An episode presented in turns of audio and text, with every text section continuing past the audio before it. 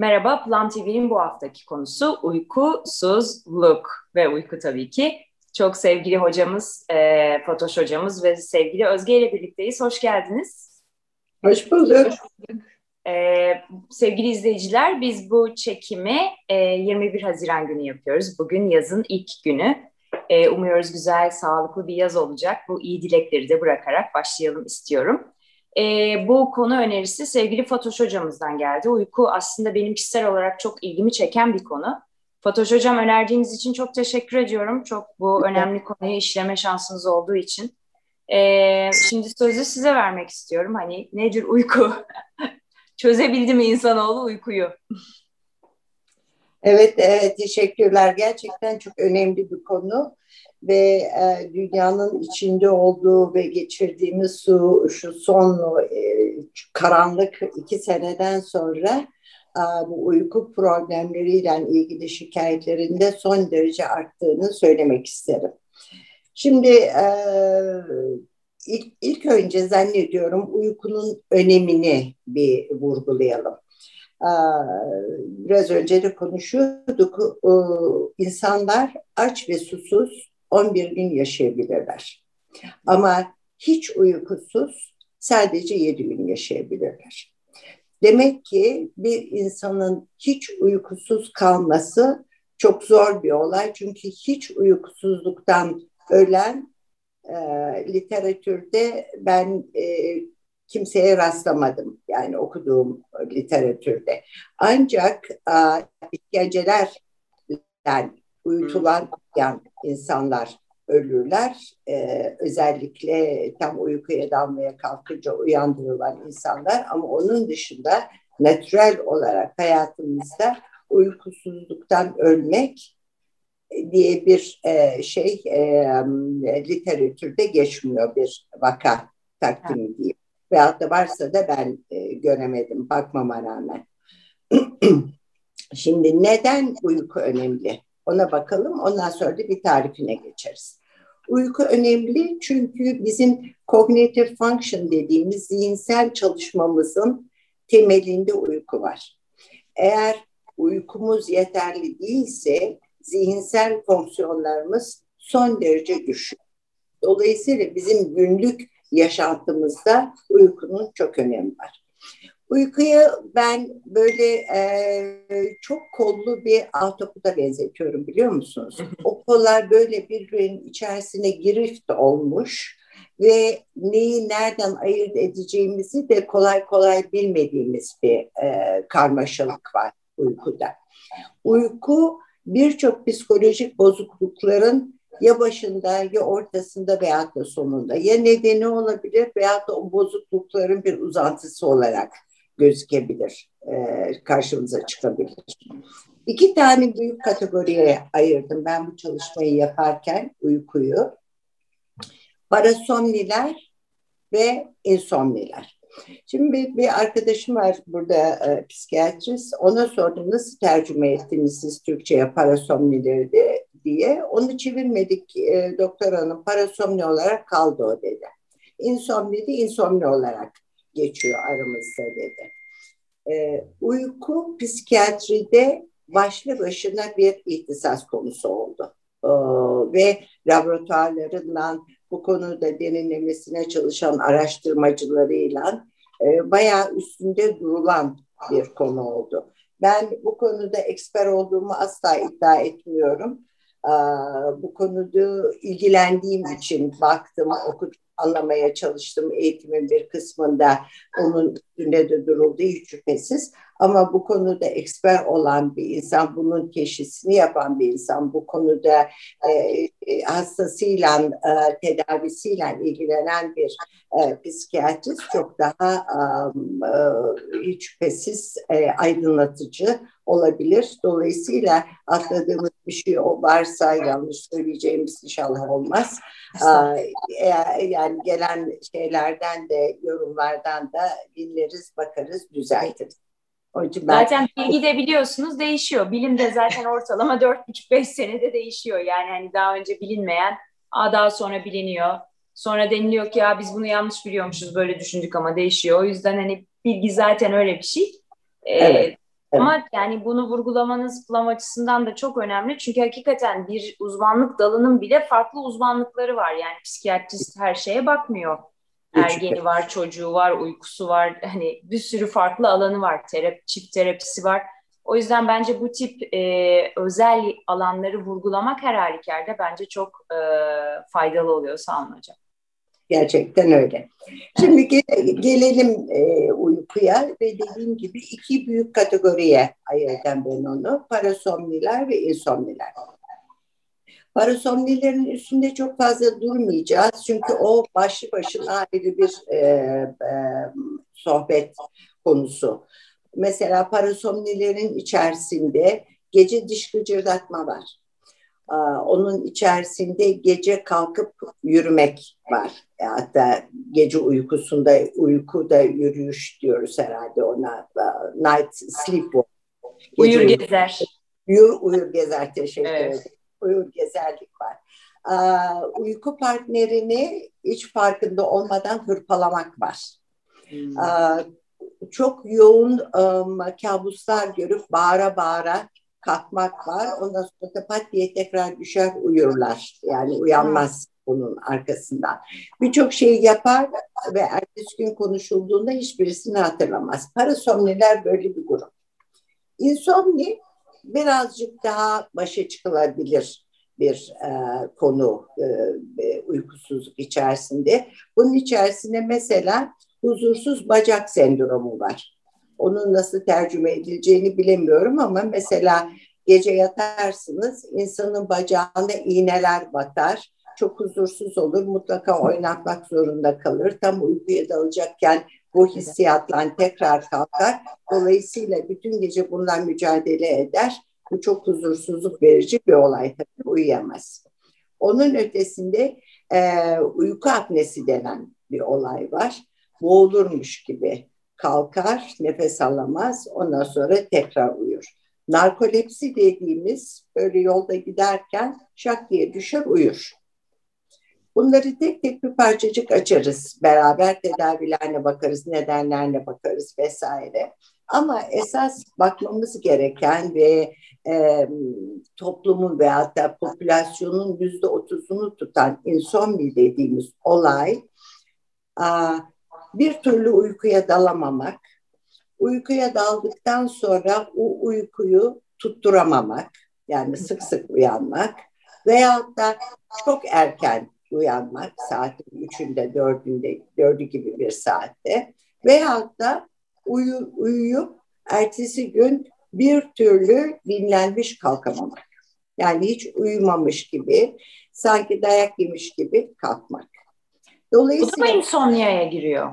Evet, evet. Ha, tamam. Onu bilmiyordum evet, ben. Unrefreshed sleep dediğimiz şeysiz yani dinlenememek, dinlenememek bir e, şey uyku tarzı. O zaman nedir uykunun fonksiyonu ona bir bakalım isterseniz. Uykunun en önemli fonksiyonu da bizi dinlendirir. Yatarız, ertesi sabah uyandığımız zaman dinlenmiş kalkarız. Veyahut öyle olması gerekir. İkincisi repair dediğimiz tamir oluruz buyurken. Yani bir yıl şey bozulmuştur veya da kaymıştır, eksenler şu bu falan tamir olur. Üçüncüsü rejuvenate dediğimiz gençleşiriz. Dördüncüsü repair dediğimiz bunu tamir olarak tamir olmuş olarak söyledik. Um, restate in the original yani eski sanki hiçbir şey olmamış gibi yeni bir güne başlamak. Bizim bir hocamız bunu çok güzel anlatmıştı. Dedi ki güzel bir uykudan sonra yeniden doğmuş gibi uyanırız demişti. Doğru. Hakikaten öyledir. Güzel bir uykudan sonra kalktığımız zaman kendimizi çok daha genç, daha genç ve dünyaya dünyayı karşılamaya hazır hissederiz. Dolayısıyla uyku bu açıdan çok önemli. Ama en önemlisi daha önceden de söylediğim gibi kognitif düşünme fonksiyonlarımızı regüle etmesi. Bu düşünme fonksiyonlarımız bizim hayatımızın günün her evresinde çok önemli. Karar vermek de önemli, e, neyi nasıl yapacağımızı bilmemiz de önemli. Okuduğumuzu anlamak da önemli. Yazacağımız raporu düzgün yazmak da önemli. Dolayısıyla bu kognitif fonksiyonlar bizi biz yapan fonksiyonlar. E, huzursuz ve sağlıksız uykularda bu fonksiyonlarımız maalesef e, yarı yarıya hatta kayboluyor. Onun için uyku çok önemli oluyor. Evet, seneler önce bir e, bir yerde bir araştırma okumuştum. İnsanları ne mutlu eder diye sormuşlar. Böyle araştırma değil de anket gibi bir şey. Şey çıkmıştı, birkaç seçenek var. Böyle banyo yapıp bembeyaz çarşaflara yatmak. Hakikaten düşündüğünüzde böyle hani insana çok huzur veren ve mutlu eden. Bir de oradan iyi uyanıp kalkarsa insan muhteşem yani hakikaten. Her değil şeyi mi? göğüsleyebilir gibi hissedebilir. İnsanın tabii hayata bakışını, tepkilerini çok etkiliyor uyku. Benim için şahsi, şahsen bilen bilir. Uyku çok önemlidir. Ben uykumu alamadığımda gerçekten hani bugün uyumam lazım ekstra gibi bir e, havaya giriyorum. E, Özge şimdi biraz sözü sana vermek istiyorum. Senin için uyku ne anlama geliyor? Uykular, uykuların nasıl? Sen iyi uyumadığında veya nasıl diyeyim uykunu iyi aldığında kendine bir fark seziyor musun? Veya etrafındakilerde de olabilir tabii. Ee, evet tabii ben biraz ona meditasyon gibi bakıyorum. Hani meditate edip kalkmış gibi veya uyurken kendimi meditas medite meditasyonla sanki uyuyormuşum gibi geliyor. Hani düşünceleri uzaklaştırıp e, öyle dalabiliyorum. Hani o biraz meditasyonla bence paralel gel geliyor kendim için. Eee Tabii bu şeylerin hepsine katılıyorum böyle hani hem temizliyor, gençleşmemizi sağlıyor, işte yeni doğmuş gibi oluyor. Dolayısıyla biraz eksik olduğunda e, fonksiyonların gerilemesi, yavaşlaması biraz korkutucu da geliyor aslında. Hani ondan eksik olmak e, bir gün iki gün dayanılıyor ama e, hocam sizin dediğiniz gibi böyle uzun süre e, olunca da daha fazla e, etkisi oluyor. Hani bir gün uykusuz kalmakla beş gün uykusuz kalmak tabii çok fark ediyor. Ee, Burada ben genelde Evet. Burada şunu söylemek önemli. Ee, uyku bozukluğu teşhisinde önemli tabii bu. Eğer bir hafta boyunca her gün ardı ardına olması gerekmiyor. Üç gün bu hmm. yaşanıyorsa nedir o sorun? Uykuya dalamamak. Nasıl dalarız uykuya? Yatağa gideriz. Latent periyot dediğimiz bir zaman vardır. 15 veya da 20 dakika. Ondan sonra da uyuruz. Şimdi bu latent periyot uzarsa, saatleri uzarsa veyahut da uykuya dalarız, başlarız sık sık uyanmaya. O zaman rahat bir uyku değildir. Çünkü o uykunun derinliğini bulamayız. Veyahut da çok erken uyanırsak. Veyahut da dediğimiz gibi e, uyandığımız zaman dayak yemiş gibi hissedersek. Yani bunları hissedersek haftanın üç gününde ve bu iki ayı geçerse bu hmm. sıkıntılar işte o zaman bu uyku bozukluğu teşhisi mi düşünüp derhal bir doktora gidip veyahut da bir e, bu konuyla ilgilenen özel bir e, şeyi hekimi bulup bir uyku kliniğinde e, bir uyku laboratuvarın bir e, şey yapıp bakılmamıza yarar var. Önemli çünkü. Ama kriterimiz bu. Haftanın üç günü iki aya geçecek. Veyahut da iki ay limitinin içindeyse ve geçerse mesele yok. Ama iki aya geçerse işte o zaman bakılmamız lazım.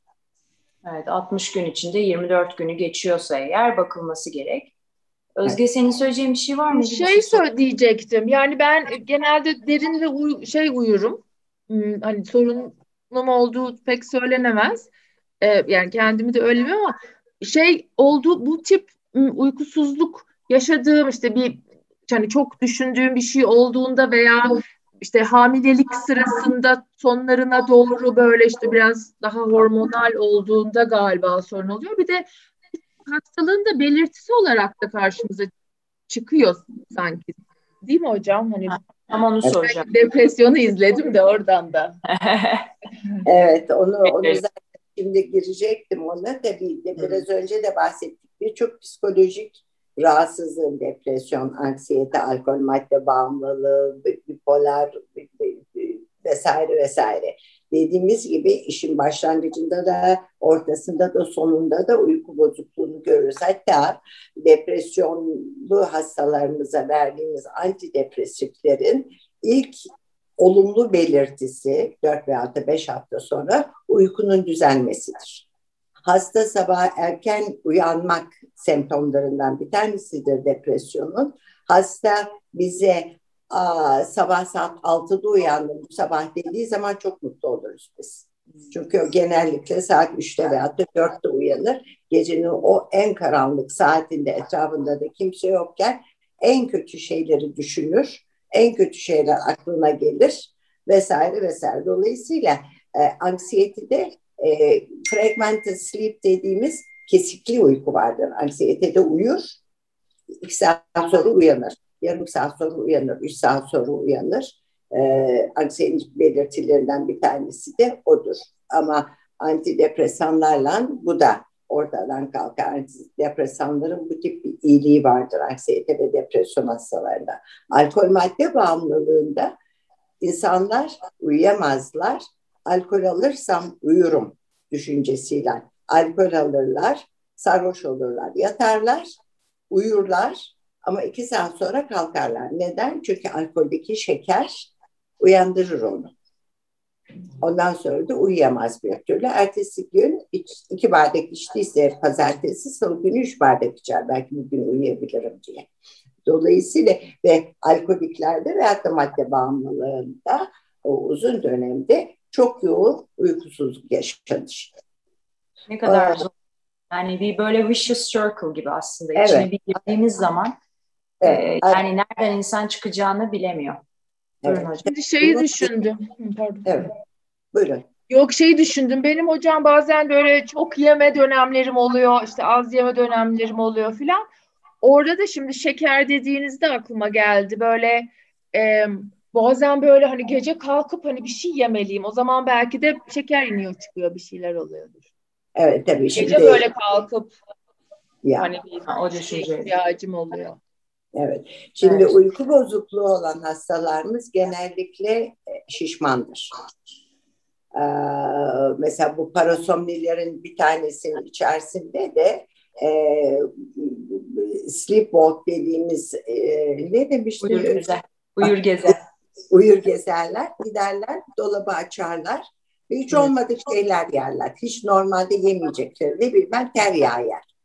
Veyahut da çiğ tavuk bacağı yer bulur orada. Yani e, bu bir kısım. Diğerleri uyuyamaz. E, uyur gezer değildir ama uyuyamaz. Kalkar, acıkmıştır, bir şey yapmak ihtiyacındadır. Açar dolabı ne yesem diye bakar, dondurma yer mesela. Onun için uykusuzluk çeken hastalarımızda obezite vardır, şişmandırlar genelde hastalarımız. Alkoliklerde zayıf oluyor tabii. Bunu bir türlü ben insanlara şey yapamıyorum. Mesela diyorlar ki alkol kilo yapıyor. Alkol kilo yapmaz diyorum. Alkol kilo yapsaydı alkolikler tombik olurlardı. Halbuki alkolikler bir deri bir kemik olurlar. Çünkü yemek yemezler aslında. Evet. Alkolün evet. yanında yenilen yemek aslında kilo yapıyor. Tabii ama alkol de. Şimdi ben e, size bahsettim hocam. Bu kitabı okudum. Bunun Türkçe'ye çevirdiler mi bilmiyorum. Doğru da tutamıyorum bunu. E, Why We Sleep. Bu Matthew Walker diye biri yazmış bunu. Bu kitabı evet. ben yaklaşık bir ay önce bitirdim. Çok e, aslında 2017'de yazılmış bir kitap. E, bu adam bir e, nörobilimci ve psikolog aynı zamanda. E, çok geniş kapsamlı araştırmış. Şu dikkatimi çekti. Yani teknik kısmını da anlatıyor uykunun. Ne salgılanır, ne olur, sirkadyen ritim diyor. İşte bir ritmimiz vardır diyor. Bir de diyor adonezin diye uyku birikir diyor. Özge senin bahsettiğin birinci gün idare ederiz, ikinci gün idare ederiz ama mesela saatte de bu artıyor. Orada tabii şimdi şeye de değinmiş, oradan aklıma geldi. Ee, birkaç konu bence çok önemli, hani genel hepimizi ilgilendirebilecek. Bir tanesi mesela bu sabah insanları ve gece insanlarına değinmiş. Yani morning larks ve night owls diye tabii bu ikiye ayrılıyor. Ve e, şu andaki belki pandemiyle değişmekte olan çalışma düzeninin ve okulların saatlerinin aslında e, kişiler için ne kadar zorlayıcı olduğunu söylemiş. Çünkü bunun aslında genetik olduğunu, doğuştan geldiğini, hani sabah insanları yüzde 40 oranındaymış, akşam daha geç yatanlar yüzde 30 ama diyor genelde diyor geri kalan da diyor ikisinin arasındadır ama akşama daha yakındır diyor. E, ergenler zaten sirkadyen ritimleri gereği daha geçe kayarmış uykuları. Tam uykularının en güzel yanında uyanırlarmış. Tabii uyanıyorlar. E, ben iki sene önce mi ne İngiltere'de bir kız bir daha ufak bir yerde bir e, aktivistlik yapıp okul saatini geçe almıştı ve çok hoşuma gitmişti o benim. Özge sana bahsetmiştim. Çünkü çocuk yani diyor ki en güzel zamanımızda biz yani zaten geç yatıyoruz, yatamıyoruz. Hani ergenler yatamaz hakikaten çok erken. Ee, tabii uyku çoğu zaman uyuyan insanların da, uykusuna düşkün insanların da, sabah kalkamayan insanların da tembel olarak e, görülmesine yol açan toplumsal bir yanı da var aslında. Halbuki e, bazı büyük adamların ne kadar çok uyudukları biliniyor. E, işte Winston Churchill'in, e, bir yanlış bilmiyorsam Einstein'ın çok uzun uyuyan insanlar. Salvador Dali'nin hatta şöyle bir sözü vardır. Çok seviyorum. Hani bana iki saat verin, ben bütün hani işlerimi halledeyim, geri kalanını uykuda geçirebilirim diye. Hakikaten orada apayrı bir dünyaya giriyoruz yani. Değil mi hocam? Ve benim anladığım kadarıyla bu alkol, e, sağlıksız beslenme, aktivitesiz yaşam aslında bu girdiğimiz e, yenilenme yerinin de olumsuz etkilenmesine neden oluyor. Çok doğru. Çok doğru. Şimdi onu şöyle bakmak lazım aslında. Ee, şimdi bir sirkadiyen ritim dediğimiz şey 24 saatte bizim evet. vücudumuzun e, kendisini ayarlaması. Yani bizim içsel bir saatimiz var. O saat 24 saate ayarlı. O 24 saat içerisinde günün ışıması ve gecenin olmasıyla biz uyanıyoruz, o uyuyoruz. Şimdi beynimizde iki tane önemli hormon var. Bir tanesi melatonin, öbürü oreksin.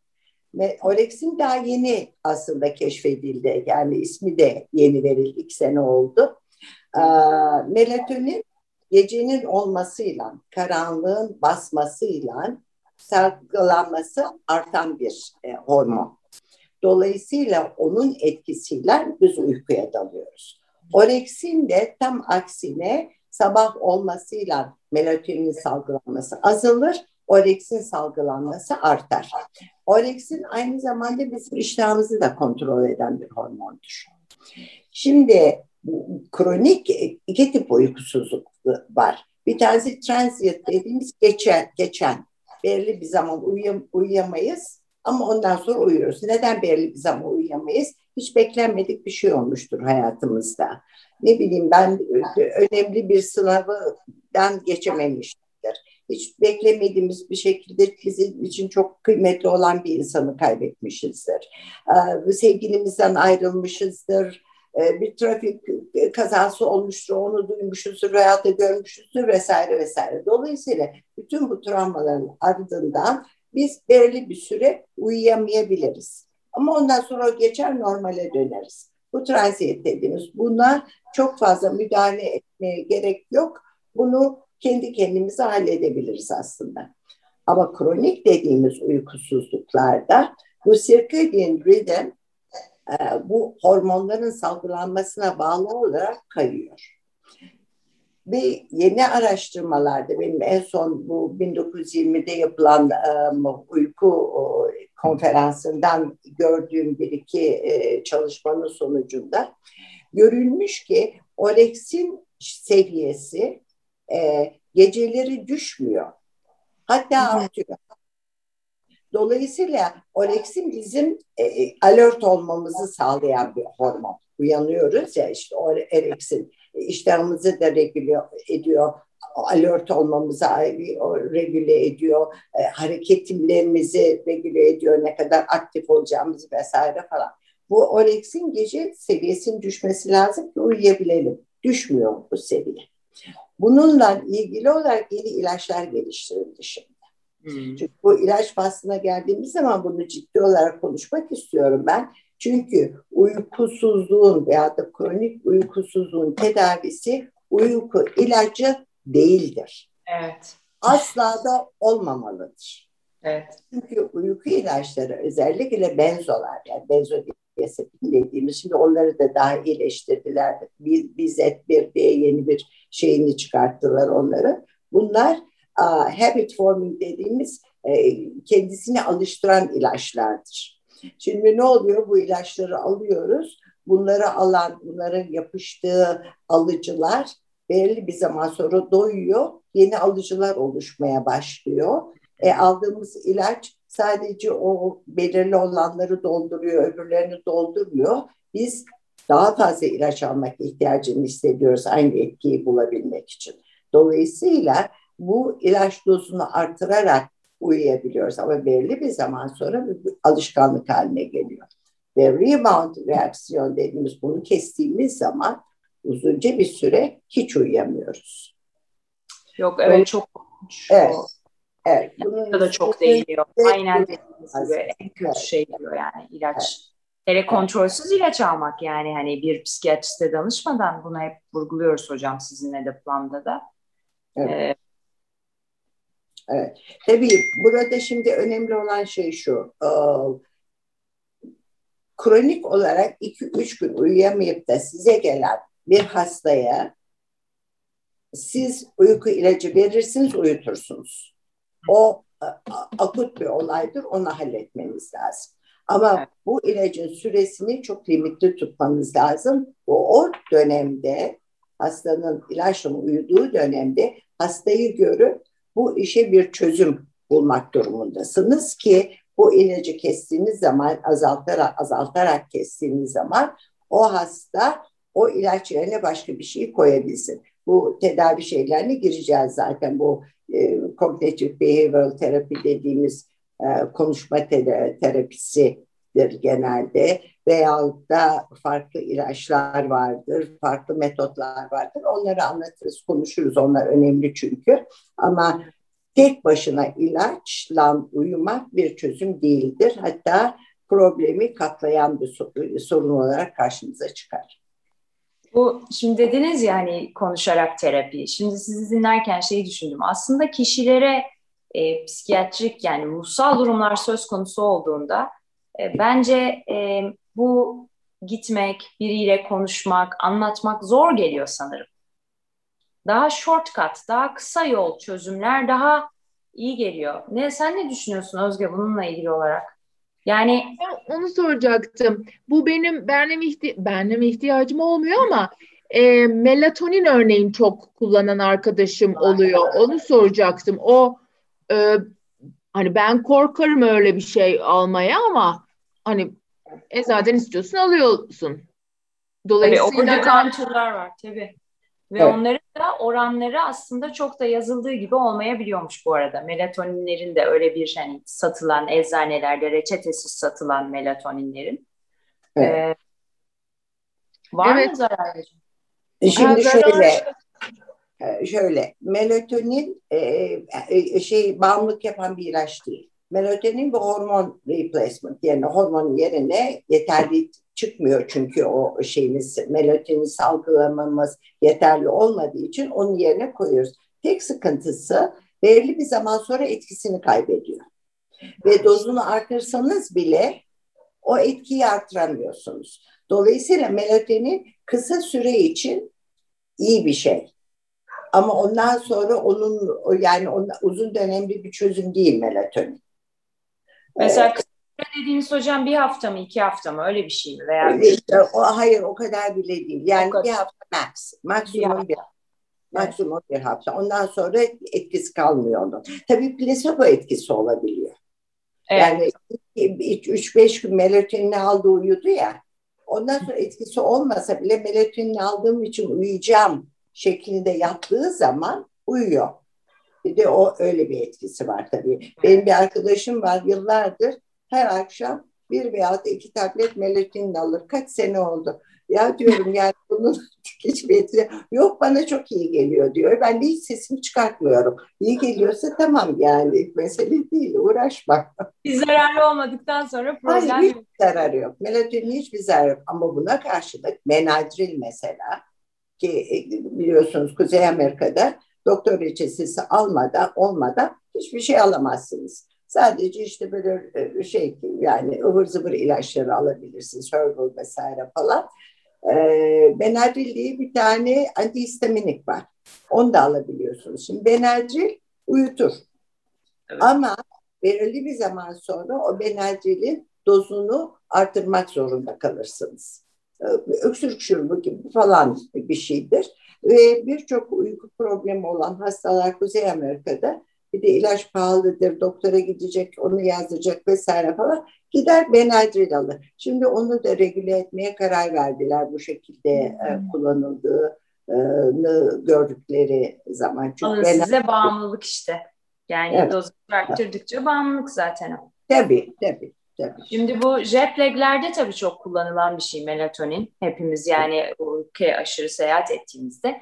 E, bu bu kitapta şeye çok değiniyor. Aslında uyku Alzheimer gibi e, rahatsızlıkların temel nedeni olarak görülen görülen yani uykusuzluk e, görülmeye başlamış Alzheimer. O yüzden de bu kişiler e, hosteslere ve pilotlara bakmışlar ve onlarla yapılan araştırmalarda ilerleyen dönemlerde çok okyanus aşırı uçuş yapan kişilerin hakikaten kognitif fonksiyonlarında, hafızalarında gerilemeler tespit edilmiş.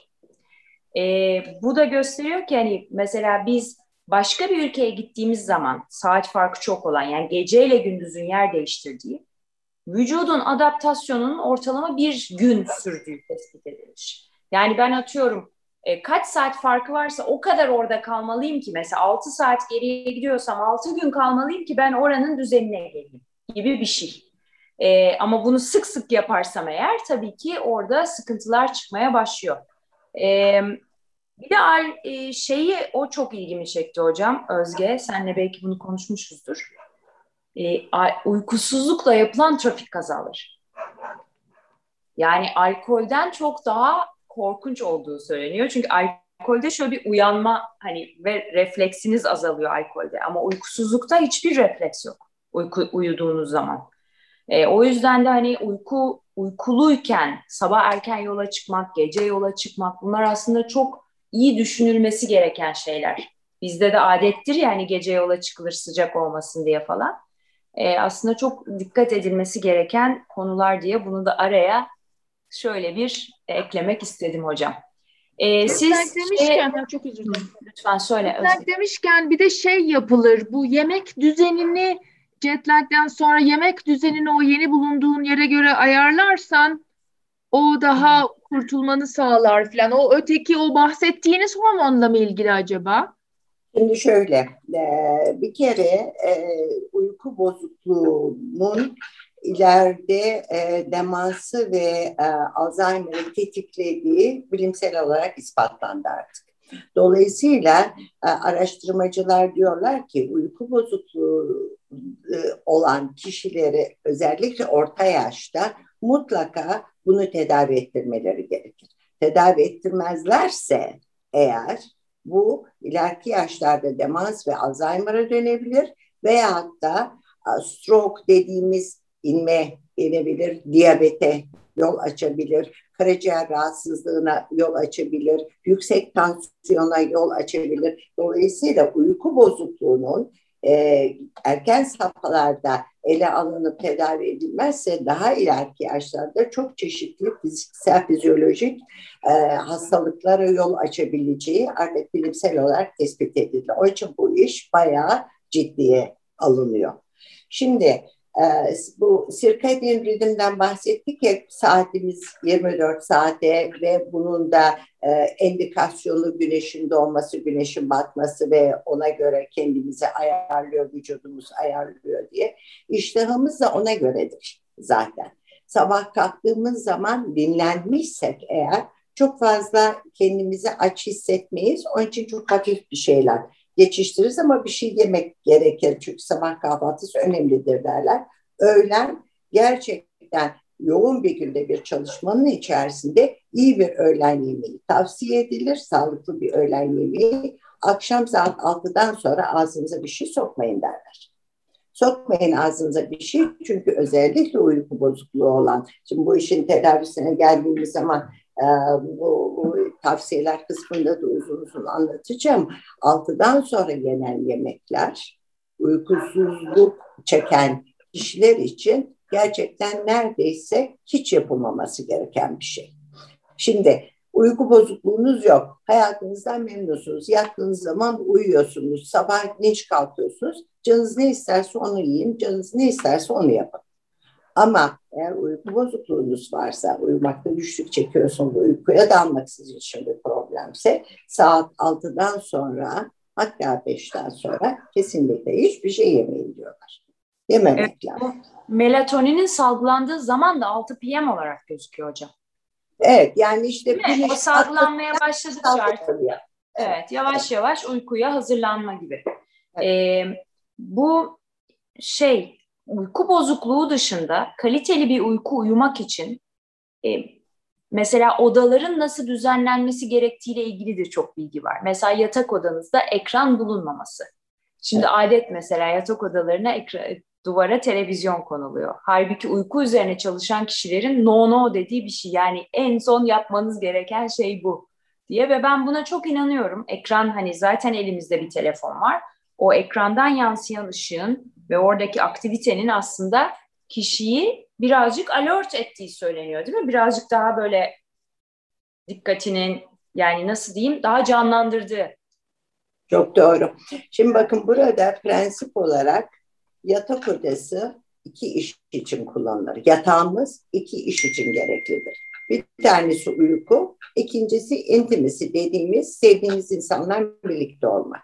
Evet. Onun dışında yatak kullanılmamalı prensip evet. olarak. Bu uyku bozukluğu çeken insanlar için gerekli. Herkes için yani geçerli, herkes için geçerli değil. Ama işe yatak odasından başlayacaksak bir, yatak odası temiz olmalı. İki, yatak odası eşyalar, şunlar, bunlar, elbiseler üst üste olmamalı. Düzenli ve yani girdiğiniz zaman içinizi açabilecek bir oda olmalı. Üç, yatak odanız güzel kokmalı. Mesela lavanta gibi. Bu uyku da getirir lavanta.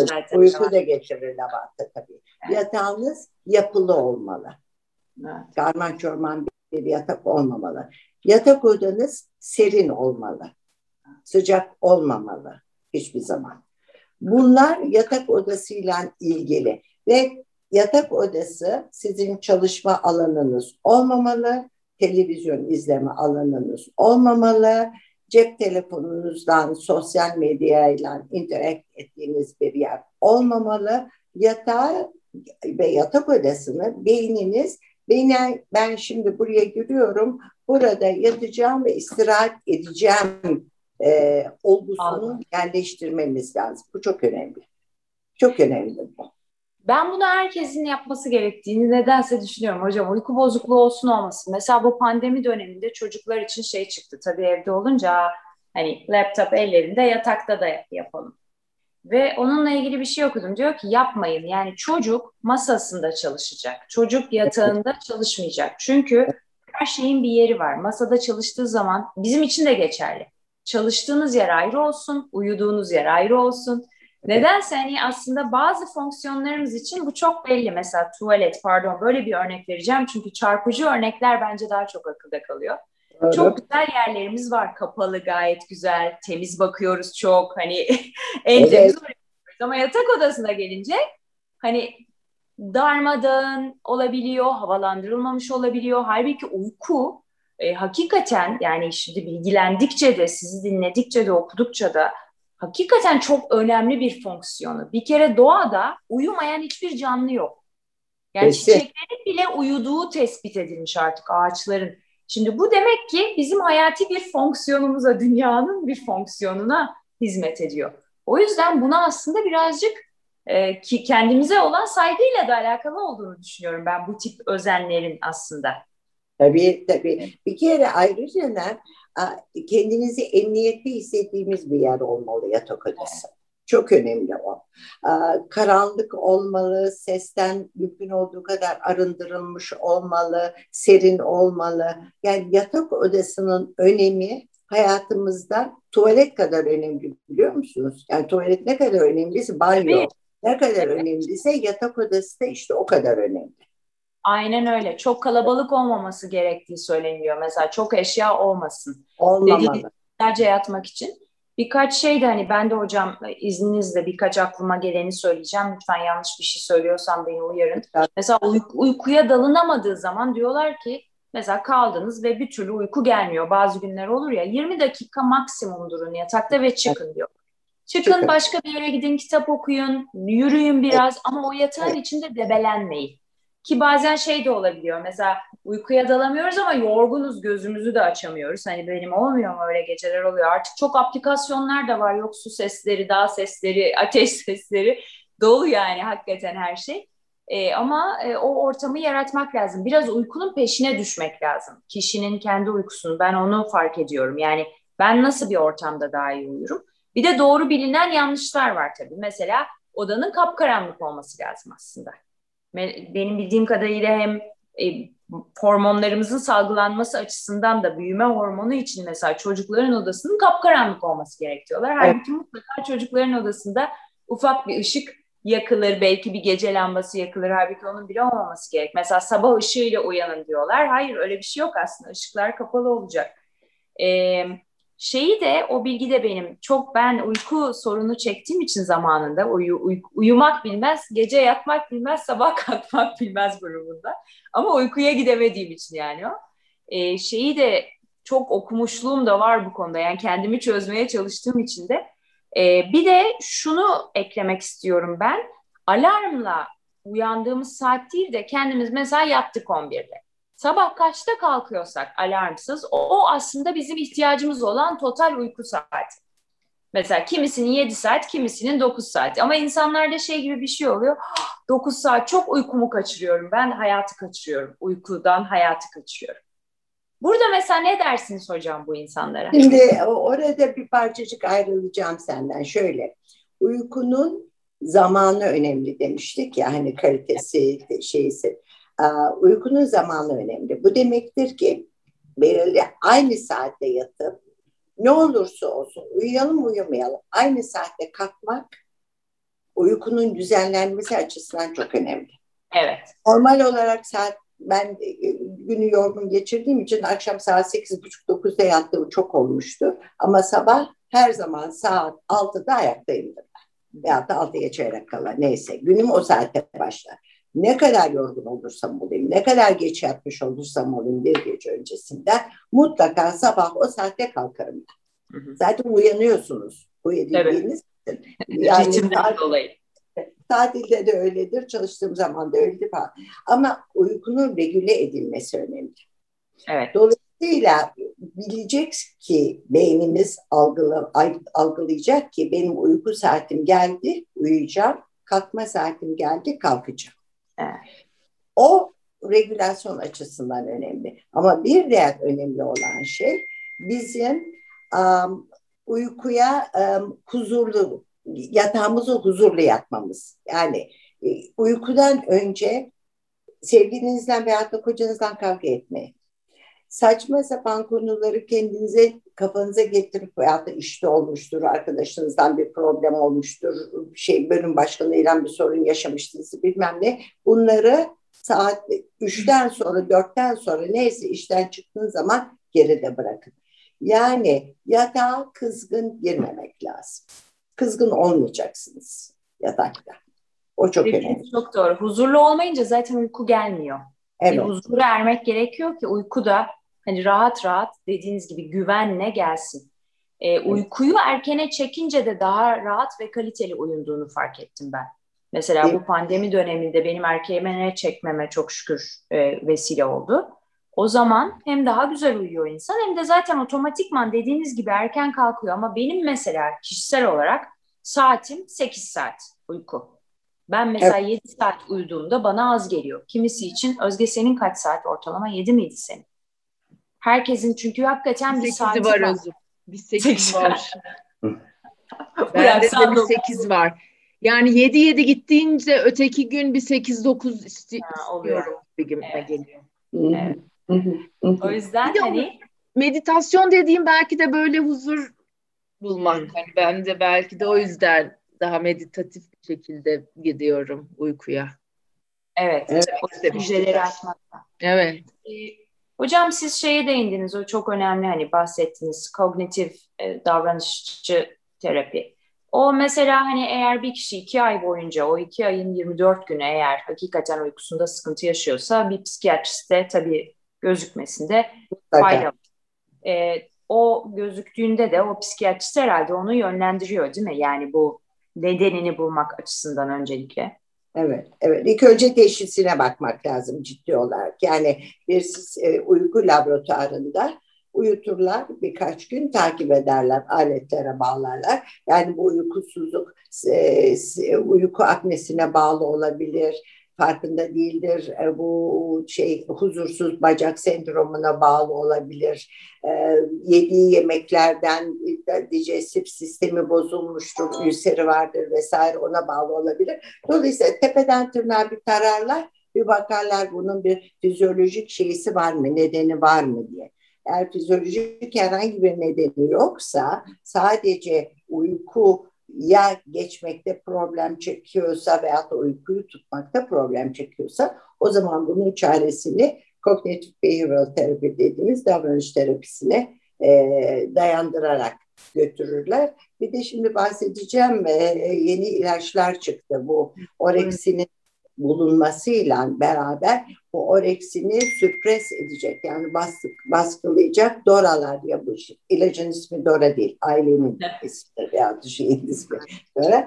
Onların e, şeyleri e, e, ürünleri olan iki tane çok yeni ilaç çıktı ve bu ilaçların yani tesiri olmadığı gibi bağımlılıkta yapmayan ilaçlar ve ümit ediyorlar ki e, ileride bu uzun longitudinal çalışmalarda yani uzun dönemde çalışmalarda bunlardan olumlu sonuçlar alınsın ve bu ilaçlar çok yaygın olarak kullanılmaya başlansın. Bu demektir ki o zaman biz bağımlılık yapan uyku ilaçlarından kurtulacağız. İnşallah. Ümit ediyorum. Evet. Yani bilim hakikaten çok hızlı bir şekilde çalışıyor. Sizi dinlerken aklıma bir konu daha geldi. Şimdi bir evin içinde bir hani intimate yani samimi olduğumuz bir e, romantik ilişki yaşadığımız biriyle birlikte yaşıyorsak tabii yatma saatleri çok önemli hale geliyor. Eğer birisi gece daha uzun kalıp ötekisi daha erken yatmak istiyorsa veya birisi erken kalkıp koşuya gidip ötekisi yok ben 12'de uyanacağım diyorsa orada bir e, nasıl diyeyim günlük pratiğin aslında birbirlerinden farklılaşması söz konusu olabiliyor. Siz hocam evet. aslında geniş bir hani yani çok vakada gören bir kişisiniz. Bu tip durumlarda e, sizin öneriniz ne olur? Fikrinizi de söyleyebilirsiniz çünkü hani. Evet. Şimdi şey, tabii bu söylediğiniz önemli. Yani insanların e, hiçbir zaman iki kardeş bile aynı ailece hiçbir zaman huyları, şeyleri birbirlerine benzemez. Dolayısıyla iki ayrı dünyadan gelmiş insanın bir araya gelip de e, birlikte bir yaşantıya başlamaları ve bunu sürdürmeleri kolay bir şey değil. Hiç şüphesiz. Ve yatak arkadaşlığı, sleep partner dediğimiz uyku arkadaşlığı da kolay bir şey değil. Mesela bu sleep apnesi olan hastaların eşleri veyahut da e, uyku arkadaşları çok şikayetçidirler. E, çünkü bir kere hiç uyuyamaz acaba boğulacak mı diye. Yani belirli bir zaman sonra da der ki bu boğulmuyor ama ben uyuyamıyorum. O zaman alır yatağını bir başka yere taşır.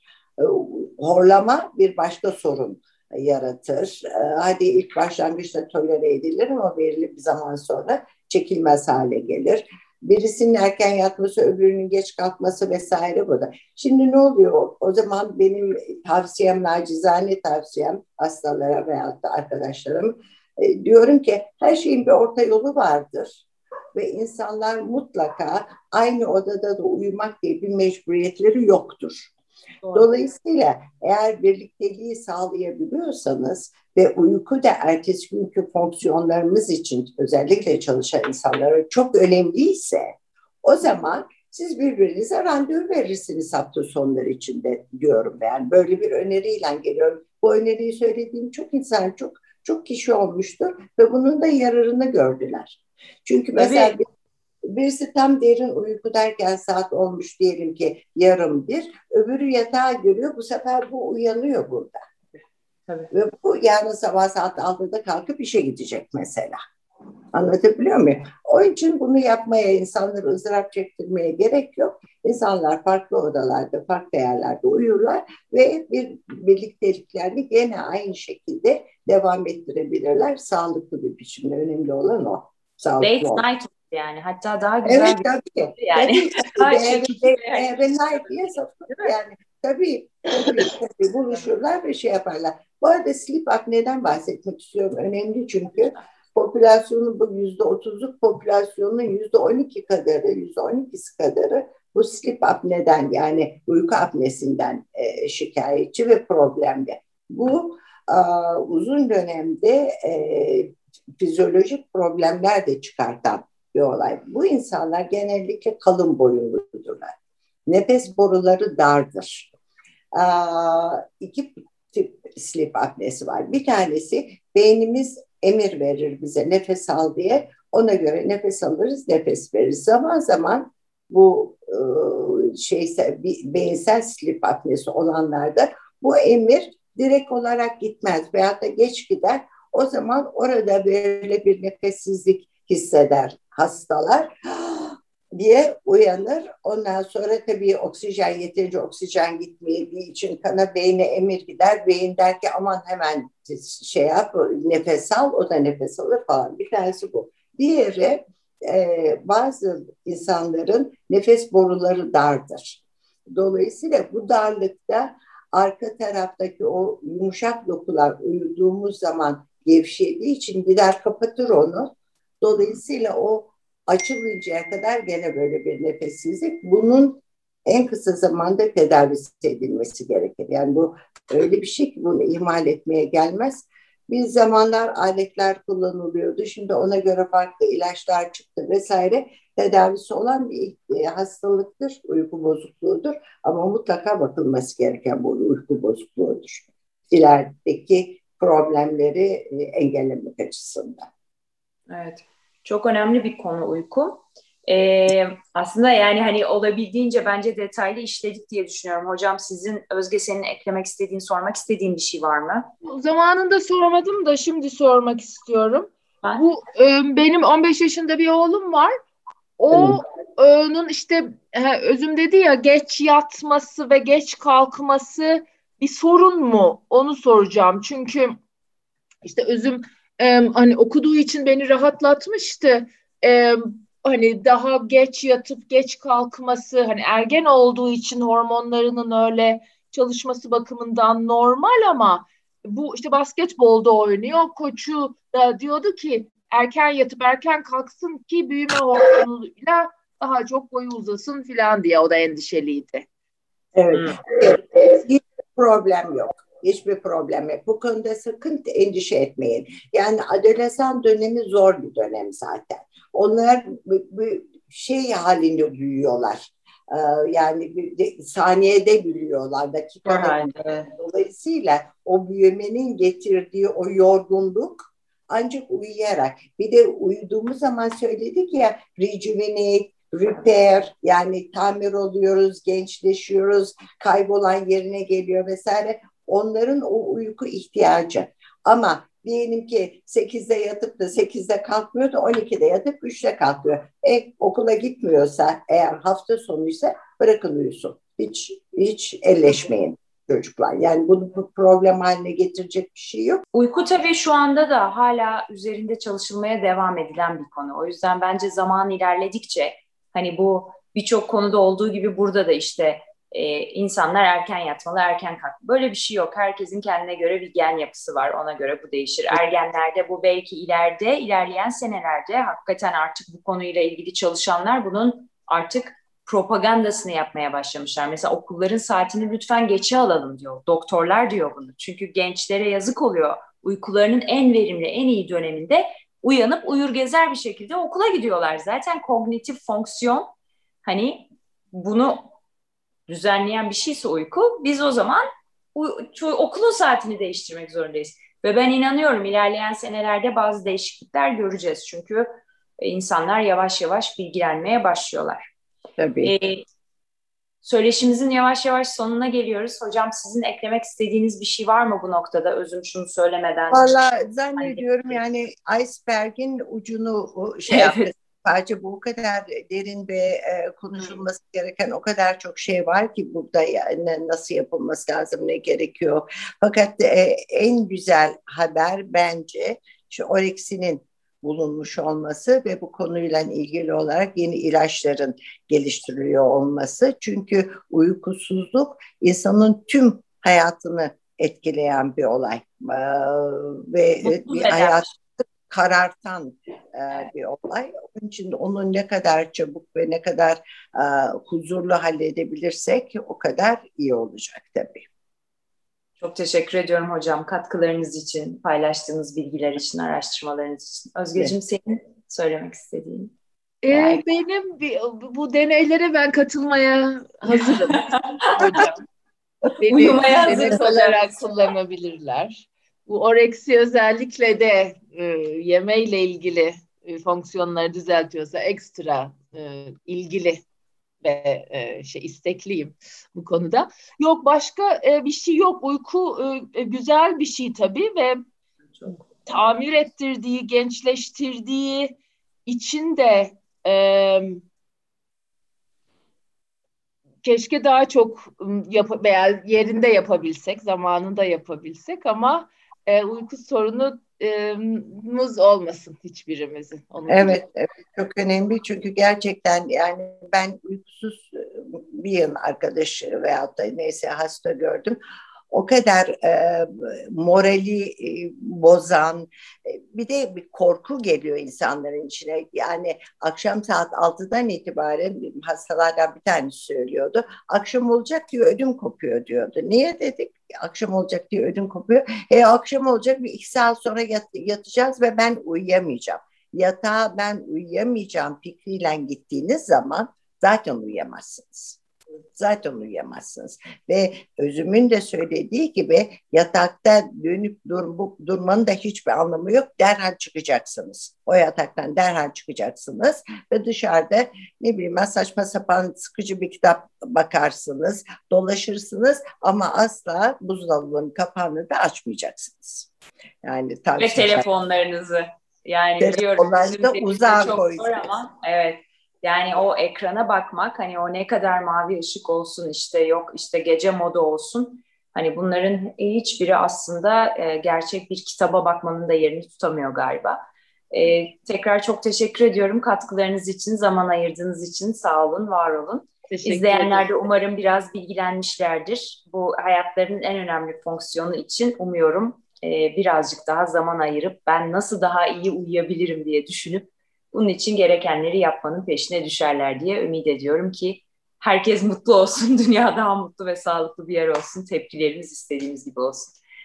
Ee, Allah'a ısmarladık. İyi akşamlar. Çok teşekkürler.